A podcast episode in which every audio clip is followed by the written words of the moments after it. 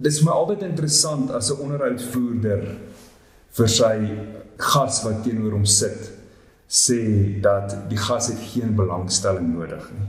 En dan kort daarna lees die onderhoudvoerder die lang CV en hy uh, rammel dit af asof die gas van die program bekendstelling nodig het. Maar die persoon by wie ek vandag kuier het regtig geen bekendstelling nodig nie. So ek gaan dit nie doen nie. Ons ligtyd is beperk en hy het aangebied om my hier na ons sy kombuis te gaan leer hoe om sy geliefkoeste koekies, haselneutkoekies te bak. So kom ons val weg. Baie welkom op Kuns met Kontant waar ons die sakewêreld en die kunswêreld met mekaar vereensgewig, Nathaniel. Dankie. Ons hoop iemand geniet iets. Is hierdie storie ek ek is in die hele wêreld is ons nou in die aand of in die oggend of in die middag? Ons is nou in die middag 20 voor 5. OK, goed. Dan is die helfte gedrink. Maar dis fyn. Toe ons hierdie insetsel van kuns met kontant begin het, het niemand my geglo dat die bekendes, beroemdes en berugtes hulle geld sake met my sal bespreek nie. Maar ek sit nou hier met 'n boks vol van jou kontantstrokies wat hier lê en almal van hulle wys vir my deur die bank net twee aankope: kostuums en KitKats. Ja, dis my groot ding. Ek het 16 kg tydens lockdown verloor op KitKats. Want my apteek laai KitKats af. En KitKats is my ek weet nie wat dit is nie. Dit is dit is nie een van die dis een van die min goed wat my nie aan my ouma laat dink nie.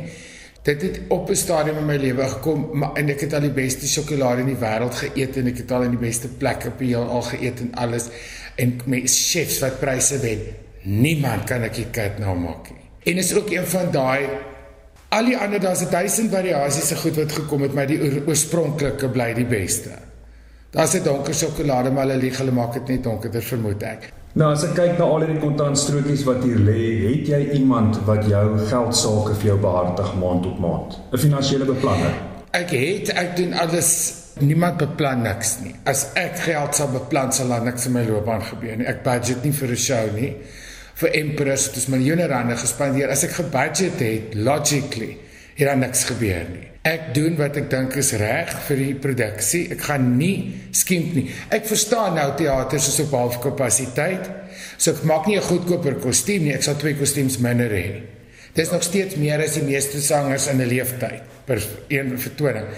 Ek het 'n company wat my geld doen wat deel met SARS dit ek wil niks met hulle te doen nie dit verlaag eenvoudige kwaliteit van jou lewe om met dit te deel.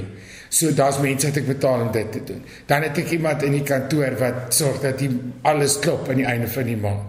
Maar soos Oprah gesê het, jy teken jou eie checks, jy doen jou eie betalings, jy doen alles sodat jy presies weet wat kom in, wat kom uit.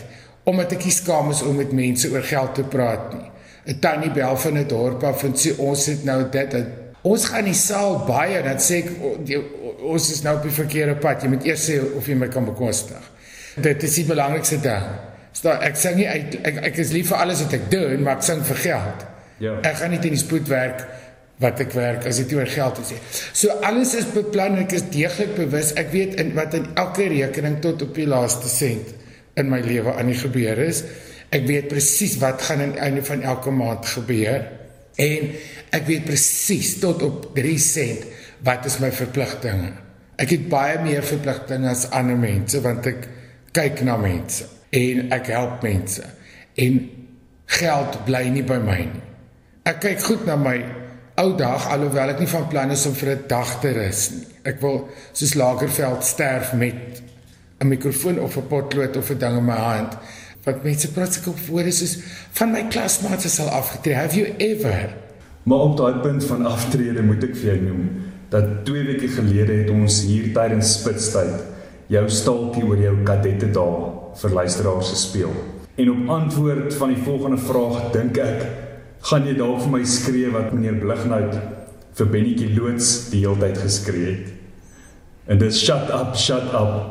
Want ek wil graag met jou praat oor jou aftrede en veral oor jou ouderdom want jy staar 60 in die oë hierdie jaar.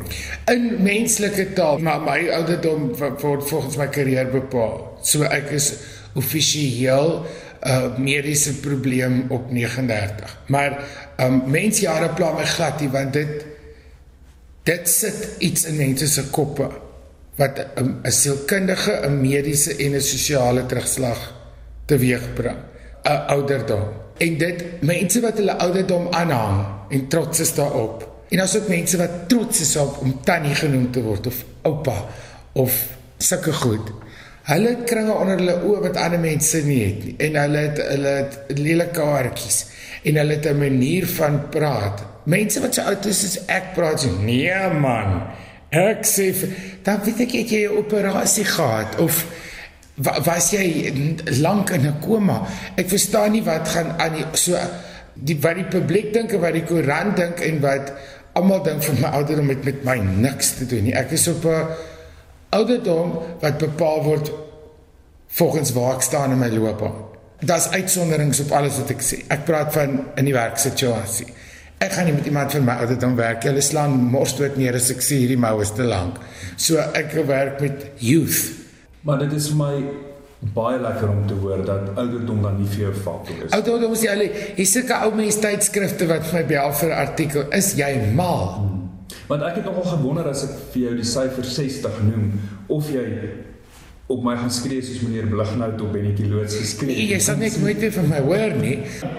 Ek het al baie van jou vertonings gaan kyk en 'n fyn geluister na wat jy sê.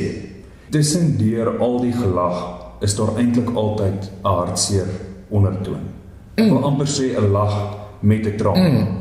Ek weet wat die storie is agter die titel van jou memoir Kyk na my.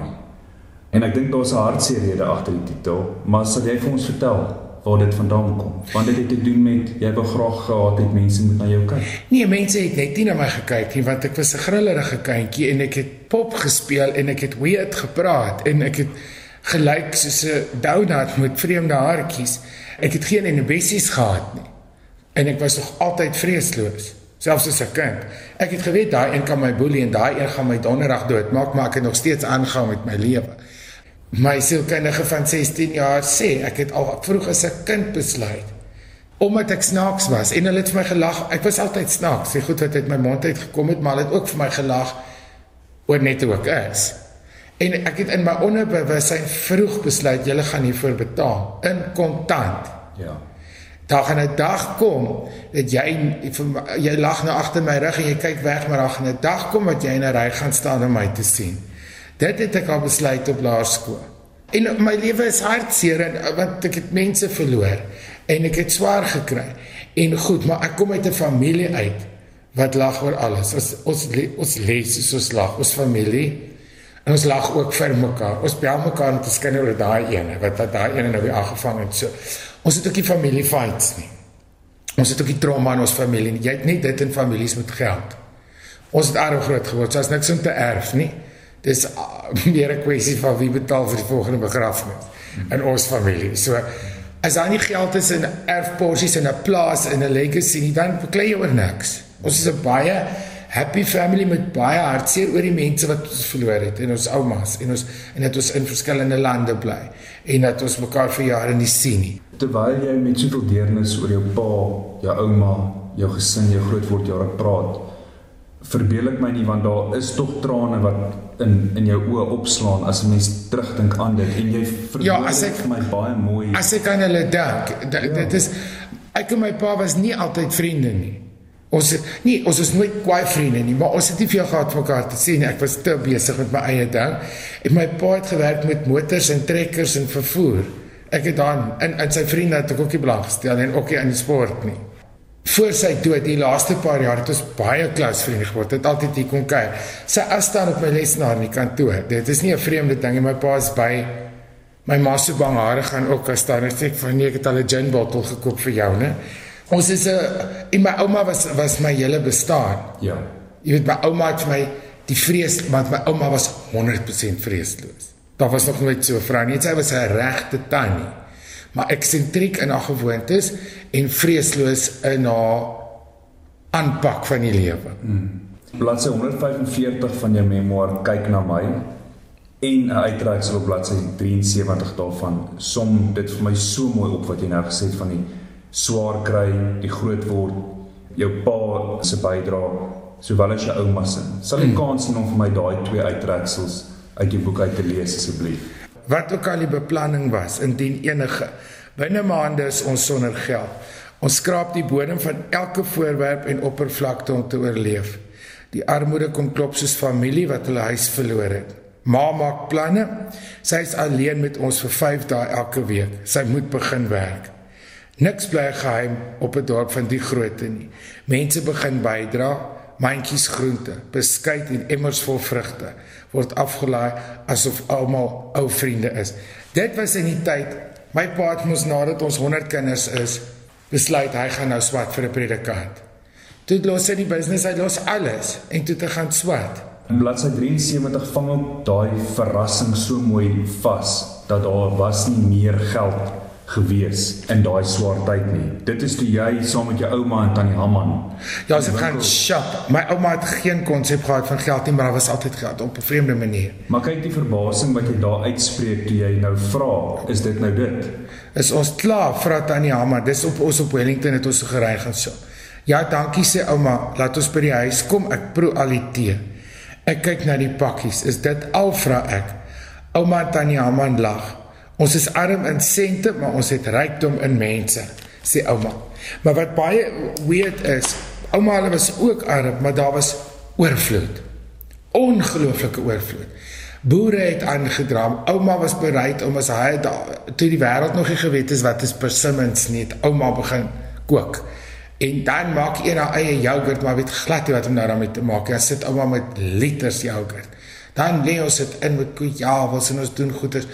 Daar was altyd oorvloed, maar dit het niks te doen gehad met geld nie. Die tuin het ge, ons het jy weet dit was ook 'n ding van my in my ouma se tyd het ons organies geleef. Ons het dit nie geweet nie.